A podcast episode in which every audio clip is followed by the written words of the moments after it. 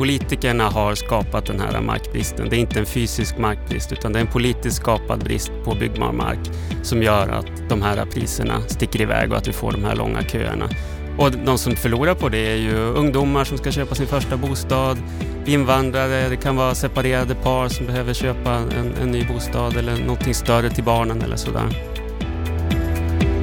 Ja, det är politikerna som har skapat den bostadsbrist som vi har och tar inte sitt ansvar. Det här menar Jakob Lundberg som är chefsekonom på Timbro som har gjort ett byggindex som visar att Danderyd, Lidingö och Stockholm det är de kommuner som är sämst på att bygga nya bostäder.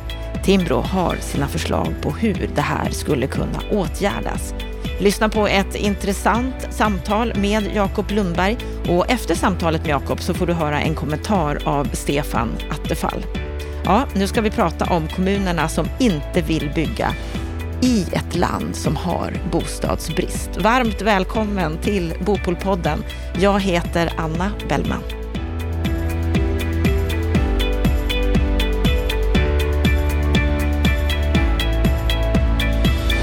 Danderyd, Lidingö och Stockholm hamnar sämst till i Timbros byggindex. Allt för många kommuner stoppar nya bostäder och därför bör det kommunala planmonopolet avskaffas. Det kunde vi läsa hos Timbro häromdagen. Nu ska vi prata om just kommunerna som inte vill bygga i bostadsbristens Sverige. Varmt välkommen till Bopolpodden, Jakob Lundberg. Tack så mycket, väldigt roligt att få vara med. Vad är din sinnesstämning idag? Eh, jag är glad över att vi har fått publicera den här rapporten som det ligger mycket arbete bakom eh, och att vi har fått så bra uppmärksamhet för den och kan sätta fokus på den här frågan. Så det är väldigt roligt att få vara här. Mm, nu ska vi prata om den och om några andra saker också. Du är chefsekonom på Timbro. Mm. Du ansvarar för Timbros arbete med ekonomisk politik, i synnerhet och skattefrågor. Bland annat så har du författat Allt du behöver veta om skatter. Mm. Hur kommer det sig att ni eh, tar fram det här byggindexet? Ja, det börjar med att man måste se problembilden, att Sverige är inne i en kris skulle jag säga på bostadsmarknaden. Och det verkar som att många inte riktigt har den här krisinsikten, att man tror att det räcker med små marginalåtgärder, någon bullerregel här och förenkla någon planprocess där, utan här är det det, det är en, en, situation som är, är helt eh, oacceptabel, som Stefan Löfven skulle säga. Eh, att vi har skenande villa och bostadsrättspriser som inte är naturligt på en, på en välfungerande marknad. Eh, och vi har längre och längre köer på, på hyresmarknaden. Där har vi satt fokus på hyresregleringen också i, i ett par rapporter. Men nu har vi, i, de här rapporten, i den här rapporten har vi fokuserat just på, på regleringarna av byggandet då, som jag skulle säga är ett minst lika stort problem men som inte uppmärksammas lika mycket i debatten. Eh, men om vi tittar på, jag räknade ut i, i Danderyd till exempel som ju är en sån kommun som vi har, har analyserat i den här rapporten, så har den genomsnittliga villan har ökat med 1500 kronor om dagen varje dag i tio år. Uh, och det är inte alls en, en, naturlig utveckling och det är inte en vinst för samhället utan det är snarare en, en, förlust för samhället i och med att vi blir fattigare. Vi kan köpa mindre bostad för våra pengar. Eh, uh, om man tänker sig, jag brukar göra en jämförelse ibland med, med marknaden för begagnade bilar. Eh, man kan ju tänka sig en situation där eh, begagnade bilar går upp mycket i värde för att folk har högre inkomster, eh, räntorna går ner, räntorna på billån minskar och så, så att man har råd att köpa fler begagnade bilar och så ökar priset på dem. Men det, det inser man ganska snart att en sån situation skulle ju inte vara långsiktigt hållbar, utan det som avgör priset på bilar är ju vad det kostar att tillverka en ny bil. Eh, och på samma sätt borde det ju funka på bostadsmarknaden. Det är ju nyproduktionskostnaden som ska avgöra vad en, en villa kostar. Man kan bygga en villa i Sverige för 2-3 miljoner ungefär om man, om man tittar på Älvsbyhus eller, eller Smålandsvillan eller de här eh, prefabricerade tillverkarna.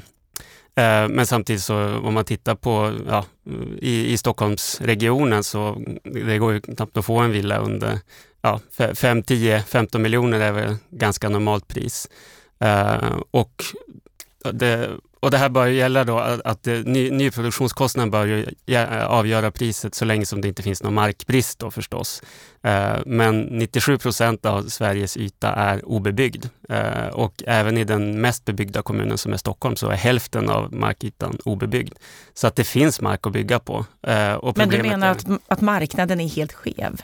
Ja, ja, verkligen. Politikerna har skapat den här markbristen. Det är inte en fysisk markbrist utan det är en politiskt skapad brist på byggbar mark som gör att de här priserna sticker iväg och att vi får de här långa köerna.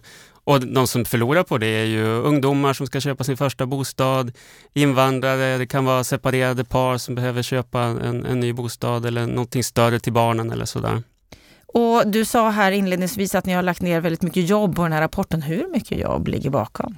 Ja, jag ska säga, den här rapporten är skriven av Rebecca Rischel då, som är nationalekonomistuderande i Uppsala. Så hon har gått igenom den här datan då för, för Sveriges kommuner och, och, tagit fram det här indexet som vi kanske ska eh, titta, eh, prata lite mer om, om senare. Men eh, på att hitta ett sätt att att jämföra kommunerna. Det var det vi ville göra i den här rapporten. Så vi testade lite olika metoder då och landade i, i det här som är i rapporten då, som handlar om att man justerar för priset och tittar på hur mycket som har byggts. Så hur går mätningen till? Hur jämför ni olika kommuner konkret? Mm. Det vi gör är att vi, vi tänker oss, eh, vi, vi tittar över en tioårsperiod för att man ska liksom ha, marknaden ska ha haft tid att anpassa sig. Så vi utgår från hur såg situationen ut 2010? Eh, och så har vi tittat på hur höga var markpriserna då i Sveriges kommuner?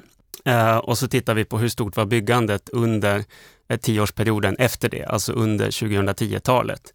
Eh, och tankeexperimentet är ju helt enkelt att om det var väldigt höga bostadspriser 2010, då borde ju på en välfungerande marknad så borde investerare och även enskilda familjer rusa in och bygga massa flerfamiljshus och, och, och villor i, det här, i den här kommunen. Ehm, men, och så sen då tittar vi då, ja men hur många hus byggdes faktiskt under den här tioårsperioden efter det? Och vi ser då som väntat att har man ett högt pris i början av perioden, då har man också ett högre byggande. Ehm, men det vi gör är att vi tittar då på, vi, vi jämför kommuner som har samma prisnivå kan man säga. Eh, så vi tittar på givet den prisnivå man hade 2010, hur många bostäder har man byggt? Så det blir då en, en relativ ranking. Jämför ni alla kommuner eller är det ett urval av kommuner? Vi tittar på de kommuner som har en eh, bostadspriser som vi bedömer överstiger produktionskostnaden. Eh, att det, det, är vissa kommuner där det är så låga bostadspriser att det, det skulle oavsett, även om bostadspriserna skulle dubbleras så är de ändå under produktionskostnaden. Så det handlar om ett 70-tal kommuner om jag minns rätt som, som vi har med i den här rankingen. Då. Och de som kommer sämst till i er ranking var som jag sa inledningsvis Danderyd, Lidingö och Stockholm på tredje plats. Men Stockholm bygger ju ändå en hel del. Ja. Mäter ni rätt saker? Vi, vi lägger in en liten brasklapp i rapporten här att det är klart att när det gäller en stor kommun, vi tittar på genomsnitt här, genomsnittliga priser och, och genomsnittligt byggande. Och att när det gäller just Stockholm så är det ju mycket statliga regleringar som, som är boven i dramat snarare än, än kommunerna kanske. Eh, men samtidigt, det finns en, en kärna av sanning i det också. Det är ungefär, knappt hälften av marken i Stockholm är obebyggd. Det finns mark att bygga på. Man kan förtäta, man kan bygga på höjden. Eh, det är bara den politiska viljan som saknas. Är det bara där skon klämmer?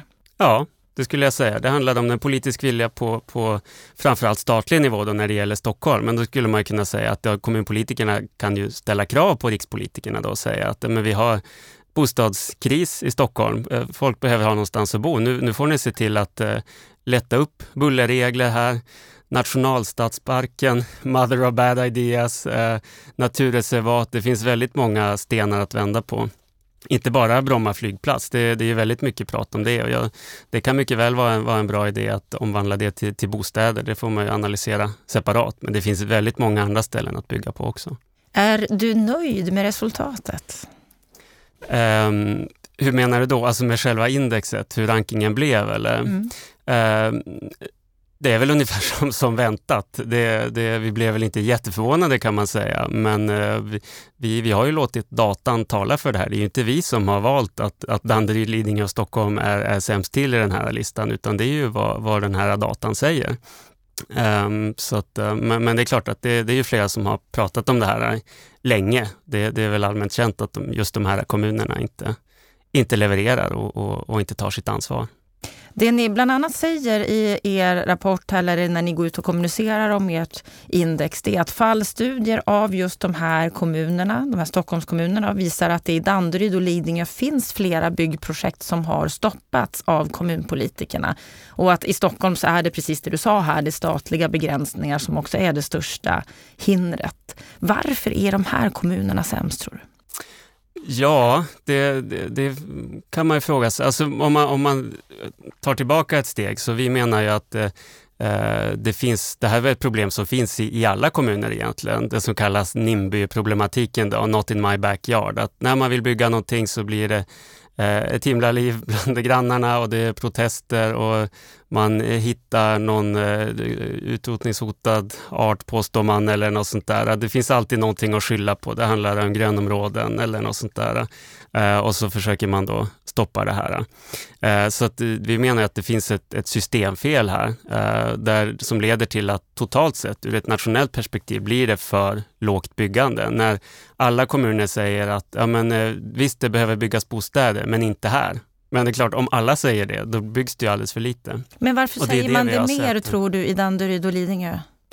Ja, det, det, har jag inget bra svar på. Det, det är väl en, en, kultur som kan ha odlats där eller att man tycker att eh, det här ska vara den villa ort där man vill bevara den, eh, eh, den miljön på något sätt. Ehm, det är nog en fråga för, för statsvetare att svara på var, varför det har blivit just så.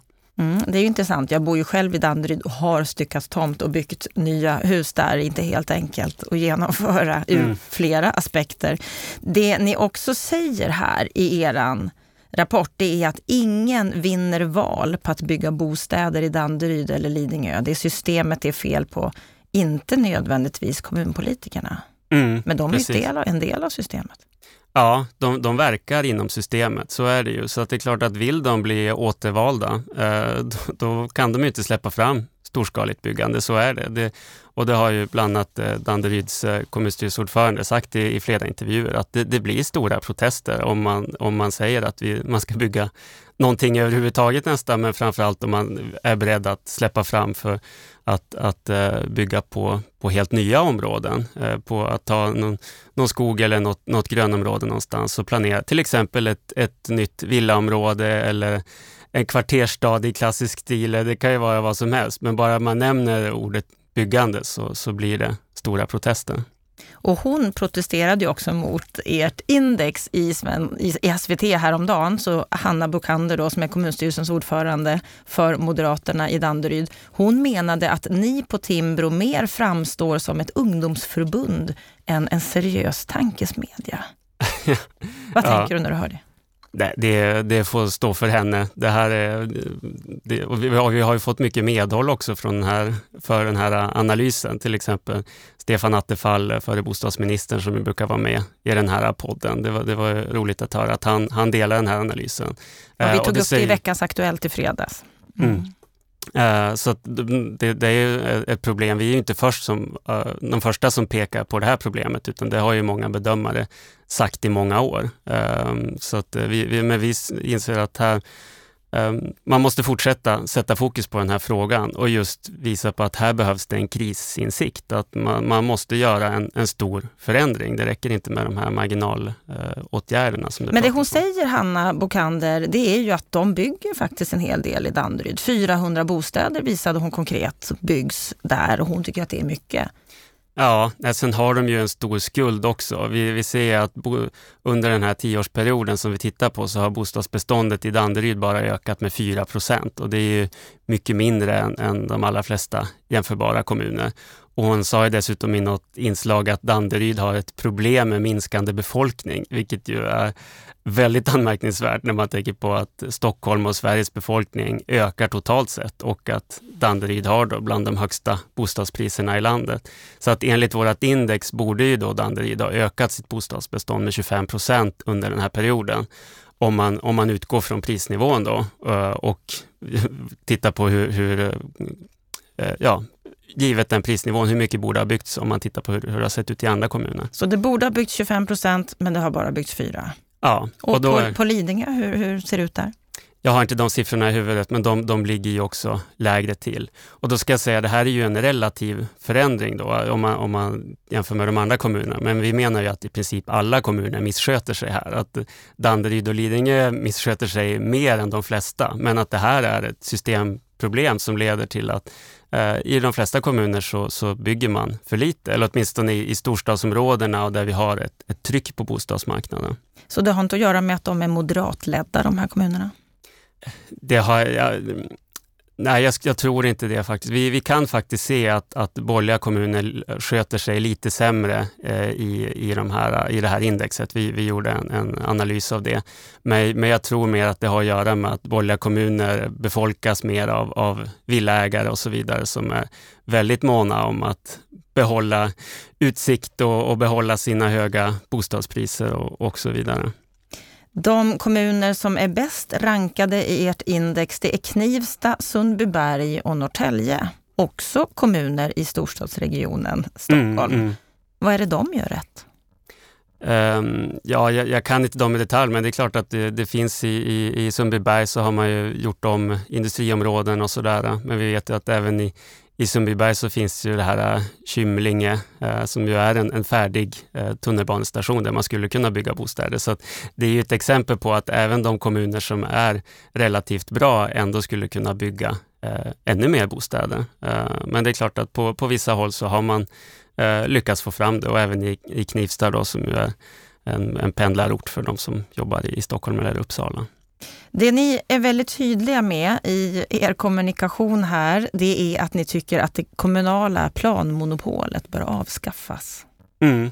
Ja, det, det, är det vi har kommit fram till här, att vi, vi ser att det här är ett sånt stort problem att det måste göras en stor förändring för att komma till rätta med det här. Det här är ett systemfel. Så länge som kommunerna i praktiken har vetorätt över byggande i den egna kommunen, då kommer vi ha det här NIMBY-problemet. Då kommer man att se till de egna väljarna, de som befintliga villaägarna och man kommer inte att se till intressena hos de som skulle kunna bo i nya bostäder. De, som, de kanske bor i en annan kommun, vet i de allra flesta fall inte om att de skulle kunna bo i en, en nybyggd bostad. Eh, så, att, så att därför så leder det till ett systematiskt för lågt byggande. Uh, och det här är ju ett problem som, som inte är, är, unikt för Sverige utan vi ser samma i San Francisco, i, i London, i, i många ställen i, i västvärlden så, så har man det här NIMBY-problemet. Not uh, in my backyard. Ja, precis, precis. Där, där man, man säger ja, bygg, gärna, bygg gärna bostäder men, men inte nära där jag bor. Uh, så, så därför säger vi att det här planmonopolet som ju infördes 1947 av, av Socialdemokraterna, det var Gunnar Myrdal var en, en viktig drivande kraft bakom. Det var goda intentioner från början, som det ju ofta är, att man ska få en rationell markanvändning och planera markanvändningen för, för samhällets bästa.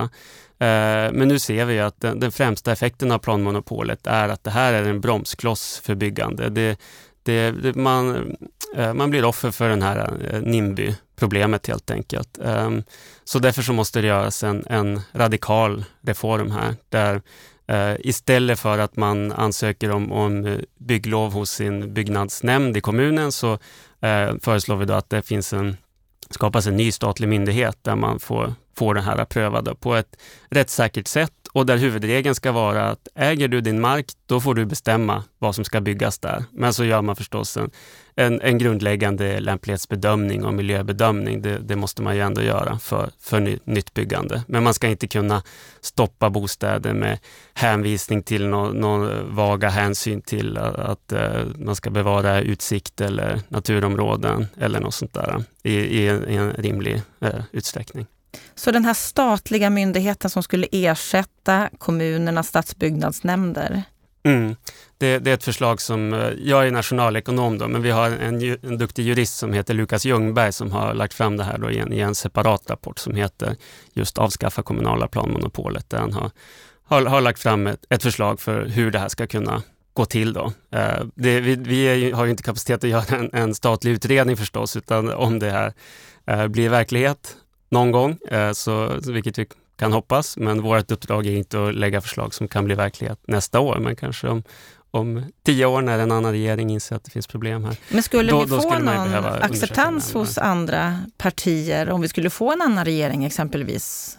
Hur, hur ser stödet i politiken ut för för den här stora reformförändringen? Jag tror att det är ganska svagt nu och det är just som, som Stefan Attefall var inne på här i förra podden, att det, kommunpolitikerna har väldigt starkt inflytande inom sina respektive partier och politiker är ju oftast ovilliga att lämna ifrån sig makt. Nu har kommunpolitikerna makt där att bestämma över andras mark, bestämma, sätta stopp för byggande och det är klart att det, det är väldigt trevligt att, att ha den makten och de använder den.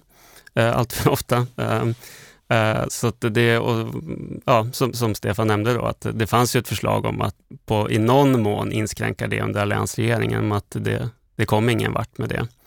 Eh, men det är därför som vi måste bilda opinion här och säga att ja, och, och, och, vara öppen med att det finns målkonflikter. I ena vågskålen, ja det finns eh, kommunal självstyrelse, det finns eh, grönområden och så vidare. Men i andra vågskålen så har vi 700 000 i bostadskö i Stockholm Uh, unga personer med, med, normal inkomst kan inte låna och köpa en, en vettig bostad i princip någon av Sveriges större städer. Det, det är en helt ohållbar situation. Så här, här, måste man faktiskt göra avkall på, på lite grönområden. Man, det finns ungefär 100 miljarder träd i Sverige. Jag tror att vi kommer behöva hugga ner ett och annat av dem för att vi ska kunna lösa den här bostadssituationen. Ja, för ni är väldigt tydliga med att det är inte markbristen som det handlar om, som du nämnde här innan. Nej, ja, det är klart, i Stockholms innerstad är det det. Eh, men man behöver inte gå så himla långt ut från Stockholms innerstad för, för, att hitta områden som man skulle kunna... Det kan vara koloniområden som man skulle kunna flytta längre ut. Ehm, eh, eller eh, skogar eller grönområden, fält. Det finns väldigt många olika områden man skulle kunna exploatera. Som fortfarande skulle vara attraktiva menar du? Ja, absolut. Det, för, för, för de som skulle bo där. Sen, behöv, sen kan man ju fundera på hur man kan göra det på, på ett varsamt sätt. Att bygga en, en, en trädgårdsstad och behålla viss grönska och sådär. Eller det här med bygga i klassisk stil som, som är så populärt nu. att man, om man jag, jag tycker att det bästa vore om politikerna inte la sig i hur man byggde, men, men om det bedöms vara nödvändigt för att det ska bli politiskt möjligt så skulle man ju kunna ställa krav då på hur man ska bygga det här. Att det ska byggas i, om man ska bygga på Gärdet till exempel, som jag tycker vore en, en bra idé. Eh, att man säger men vi, vi förstorar Östermalm här och, och bygger i, i, i, klassisk stil, sekelskiftesstil, tre, fyra våningar. Då skulle man ju kunna bestämma att eh, det, det är så vi bygger.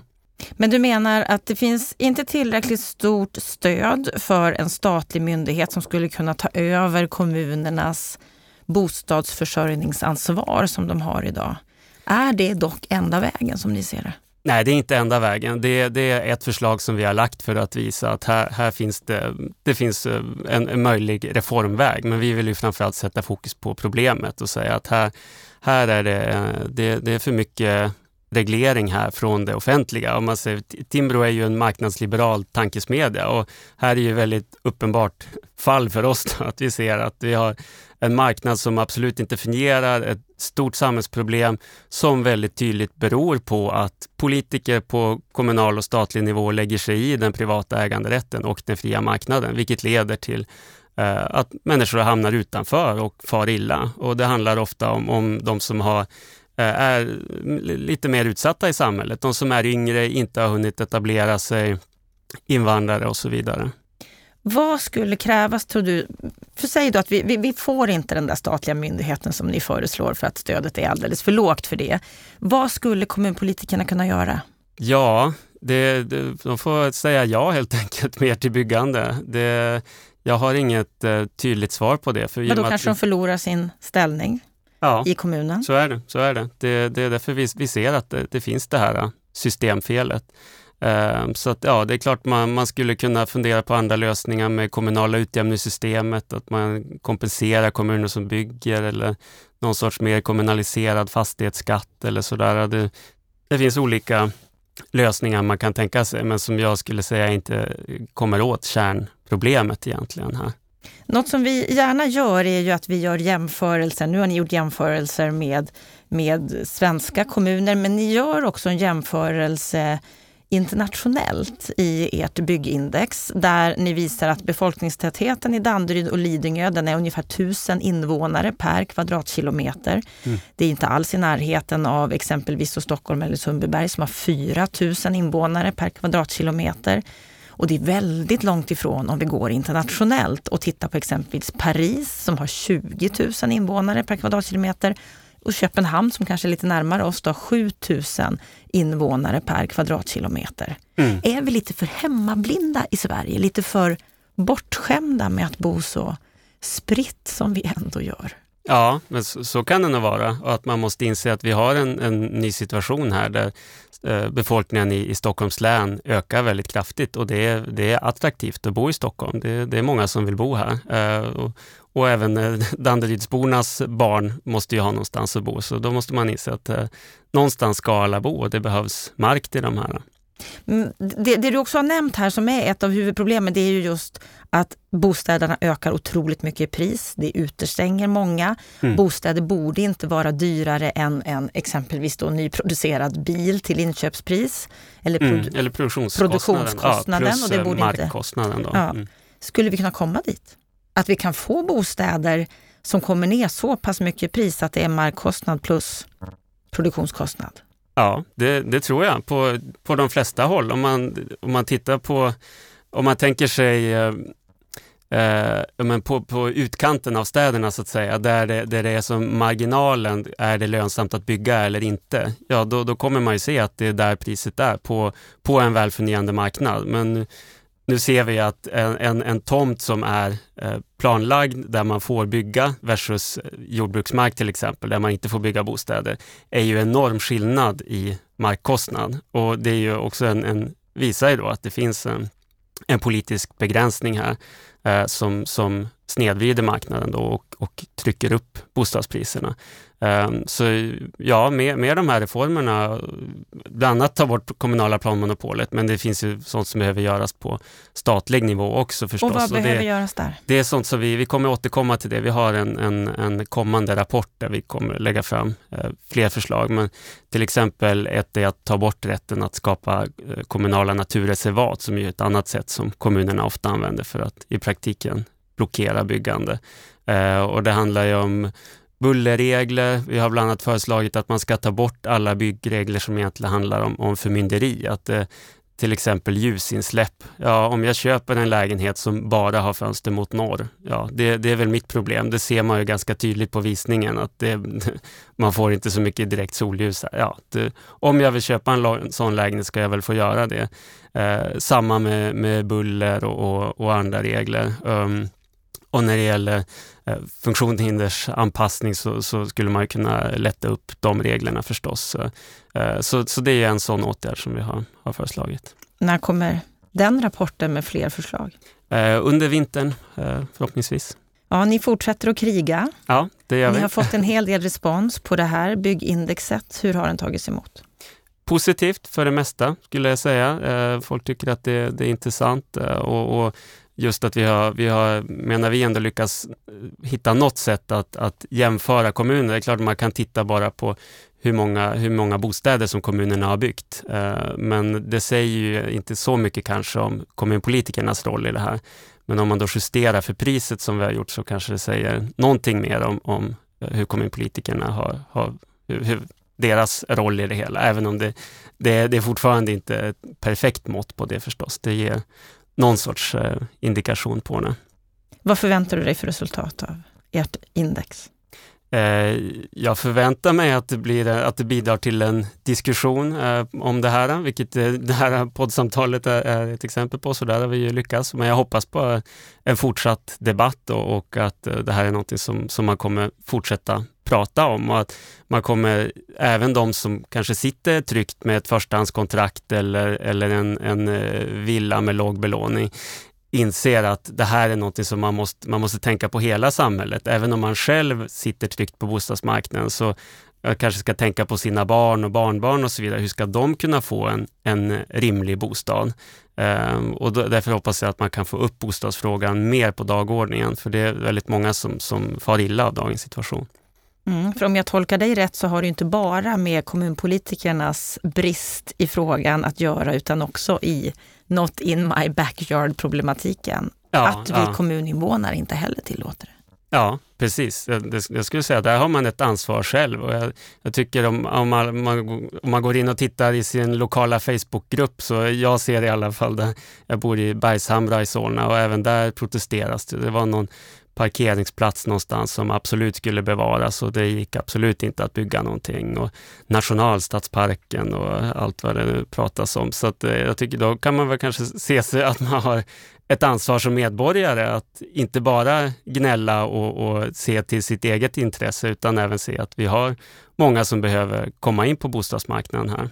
Ehm, och kanske också gå och ryta till mot sina grannar i, i de här Facebookgrupperna och, och säga att nu, nu får ni ta och, och se den större bilden här.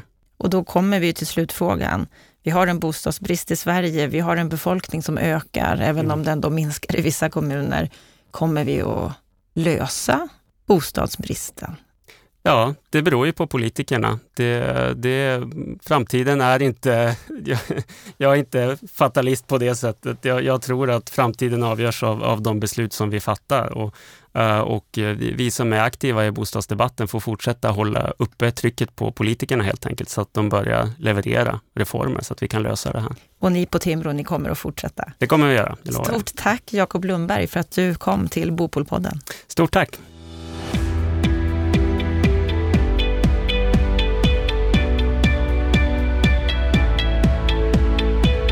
Då har vi hört samtalet med Jakob Lundberg från Timbro. Stefan Attefall, vad, vad säger du om det här samtalet? Jag tycker det är jätteintressant eh, resonemang och det här indexet de har tagit fram. Jag tycker det är bra att Timbro engagerar sig i bostadsfrågorna. De har ju gjort det på lite olika områden och man har haft om hyressättningssystem och sådana saker. Man kan alltid diskutera enskildheter, men det är en röst till som försöker ge sig in i debatten och de gör det utifrån en mer marknadsliberal eh, grundhållning. Eh, det är välkommet. Och det här indexet, man kan säkert diskutera detta, men det fångar ändå någonting. Att där det finns en hög efterfrågan av bostäder så borde det mötas med ett ökat utbud, det vill säga nyproduktion. Och det gör inte det. Och det tycker jag är en intressant diskussion de ändå fångar upp där. Eh, varför, som i alla andra branscher, när vi får mer pengar i plånboken och går och köper mer kläder, ja då fylls hyllorna på med nya varor. Varför gör inte det i samma utsträckning i det här området. Och det handlar inte bara om att det tar längre tid att bygga en bostad jämfört med att kanske eh, ta fram lite mer kläder till en affär, utan det handlar också om den politiska viljan, politiska förmågan och systemet, hur det fungerar. Mm. Han eh, uttryckte ju flera gånger att han var glad över att du gillar rapporten och citerade ju dig flitigt. Är du, är du positiv till den här? Jo, men därför att han, det som jag tycker är jätteintressant med den här rapporten, det sätter fokus som jag tycker debatteras för lite i Sverige, det vill säga utbudsproblemet. Och då åsyftar jag inte i första hand produktionskostnaderna att bygga, för det diskuteras ganska mycket, men just detta att nyckelfrågan är ju hur får jag fram mer detaljplanelagd mark? Och där sitter faktiskt kommunpolitikerna på den helt avgörande faktorn. De är beroende av statliga regler, de styrs av statliga bestämmelser. Ja, de är begränsade av det, men de har i syvende och sist ändå planeringsmonopolet i sin hand. Och Det kommer fram för alldeles för sällan. Eh, och jag tycker att det fokuset måste finnas. Och då säger många kommunpolitiker, ja men det byggs ju i vår kommun och det är, vi håller på och vi jobbar hårt. Ja men jobbar hårt, Problemet är bara att om behovet är ännu högre, då måste man jobba ännu hårdare. Man måste organisera om sin stadsplaneförvaltning. Man måste ha tjänstemän som klarar av sin uppgift, som har goda arbetsförhållanden. Och man måste också ha en politisk vilja att eh, få fram nya bostäder. Men istället gör vi ju allt i kommunerna för att krångla till det. Det införs begränsningar där och begränsningar där och begränsningar där. Och det, allt tar längre tid och då blir också det dyrare. Det blir så dyrare att ta fram de här planerna. Vilket gör också att det sätts ju på faktiskt produktionskostnaden och därmed också på slutpriset till kund, det vill säga hyran eller bostadsrättspriset. Så, så han har det, rätt i att det saknas en politisk vilja och att det är politikerna som skapar bostadsbristen? Ja, det är, det, alltså, det, man måste, en del säger att det är för lite, för mycket marknad i bostadspolitiken. På det här området är det ingen marknad. Här är det planekonomi. I den meningen håller jag med den marknadsliberala hållningen. Men sen eh, finns det ju eh, ska säga, skäl till detta också och staten har ett ansvar här för hur regelverken ser ut. Men eh, eh kommunpolitikerna har också stort ansvar och det här diskuteras alldeles för lite och det är för lite fokus på detta. Eh, det pratas mycket men det ger verkstad där ute i planarbetet och du kan nästan gå runt till varenda eh, byggare, bostadsutvecklare så kan de berätta om hur enormt mycket tid och frustration det är kring planprocesserna. Eh, och, och, och som, som, tar tid men som också krånglar till det och fördyrar projekten. För det är inte nog med att det tar lång tid. Det detaljstyrs ju också i kommunerna så att projekten skräddarsys exakt så här. Så händer det saker efter sju år, man håller på med planarbete och kanske sju år senare så kanske marknaden ser annorlunda ut. Man kanske förändrar sitt projekt på något sätt. Nej, då måste man göra om hela planprocessen. Eller Men hur kommer det sig att det är sämre, att det ligger sämre till i borgerligt styrda kommuner? Ja, tittar du på de där indexen så ser du att de här bästa kommunerna var också flera borgerliga och de sämsta också flera borgerliga. Men det handlar ju om just de exemplen du nämnde här om Danderyd och Lidingö som då stack ut lite grann. Det är ju kommuner som har en kultur av att här ska vi inte eh, få några nya hyreshusområden, här ska vi inte få massa nytt folk, här ska vi bevara det som har varit, den här karaktären. Alltså bevarandekraften är enorm. Eh, Danderyd tar som exempel så vet jag ju att eh, att där, har, där har, eh, har ju Centerpartiet gjort en affärsidé på att det inte ska byggas någonting och påverka vilken som ska få styra och ställa. I Lidingö som ett exempel så vet jag ju hur en moderat kommunpolitiker sa till mig att så fort vi drar igång ett bostadsprojekt så stiger opinionssiffrorna för Lidingöpartiet. Då. Alltså bildas lokala partier som får ganska mycket inflytande. Så att eh, det finns en sån kultur i de här kommunerna. Och det är klart att det anpassar sig politikerna efter. Det är ju det som är kanske demokratins eh, fördel och nackdel, det är att politiker är faktiskt mycket mer lyhörda för opinionsströmningar än vad folk tror. och det är det som är Not problemet. Not in my backyard, not in my backyard pratar han ju ja, mycket om. Ja, men så funkar vi ju. Men det mm. handlar inte bara om det. Det handlar också om vad är för typ av kommun jag vill ha. Och många är rädda också för att få en utveckling som man sett i andra delar av Stockholmsregionen. Så att det finns ju en berättigad oro också. Jag ska inte säga att den är, den är ska säga, fel. Man måste ju bygga också på rätt sätt som passar den här miljön som finns. Och där tycker jag många kommunpolitiker kunna vara mycket mer lyhörda och, och kreativa. Att avskaffa planmonopolet? Ja, alltså du måste ju ändå ha ett lokalt inflytande över hur man utformar sin stad och sin, sin kommun. Eh, jag tycker att det låter drastiskt med en statlig myndighet som skulle sköta detta. Men det finns en poäng i det de säger. Och jag tror mer på det här med att man har en slags regional planeringsnivå som säger till kommunerna så här mycket har staten sagt att vi måste producera. Vi har de här målen därför att vi ska lösa bostadsbristen. Det innebär för er del att ni ska bygga ungefär i den här tidsperioden så här mycket. Hur ni gör det, det är upp till er. Men kommunpolitikerna behöver tror jag någonting att skylla på. Man behöver kunna peka på att till det här är vi tvungna för att hantera lokala opinioner. Så att jag tror att det, det krävs någon typ av regional eller statlig planeringsstyrning. Men jag skulle inte vilja säga att man ska gå så långt som att ta bort det kommunala planmonopolet, för jag tror att det finns så många andra nackdelar med det. Eh, men där tror jag lösningen kan ligga, plus lite ekonomiska incitament också. Eh, och statliga ska säga, riksintressefrågor. Vi har pratat strandskydd i veckans Aktuellt i fredags. Det finns många frågor som staten också måste hantera. Mycket som behöver hanteras. Någon markbrist finns det inte alls enligt Timbro. Möjligheterna finns där, men eh, demokratin är inte alltid enkel att hantera på en kommunal nivå. Mm, vi får se om eh, deras rapport här skrämmer upp en del kommuner så att de skärper till sig och bygger lite mer. Detta var det vi hade från Bopolpodden för den här veckan. På fredag, då hör du oss igen. Då djupdyker vi i vad som har sagts i media om bostadspolitiken under veckan. Så var gärna med oss då också. Och fram tills dess så önskar vi dig en riktigt trevlig vecka.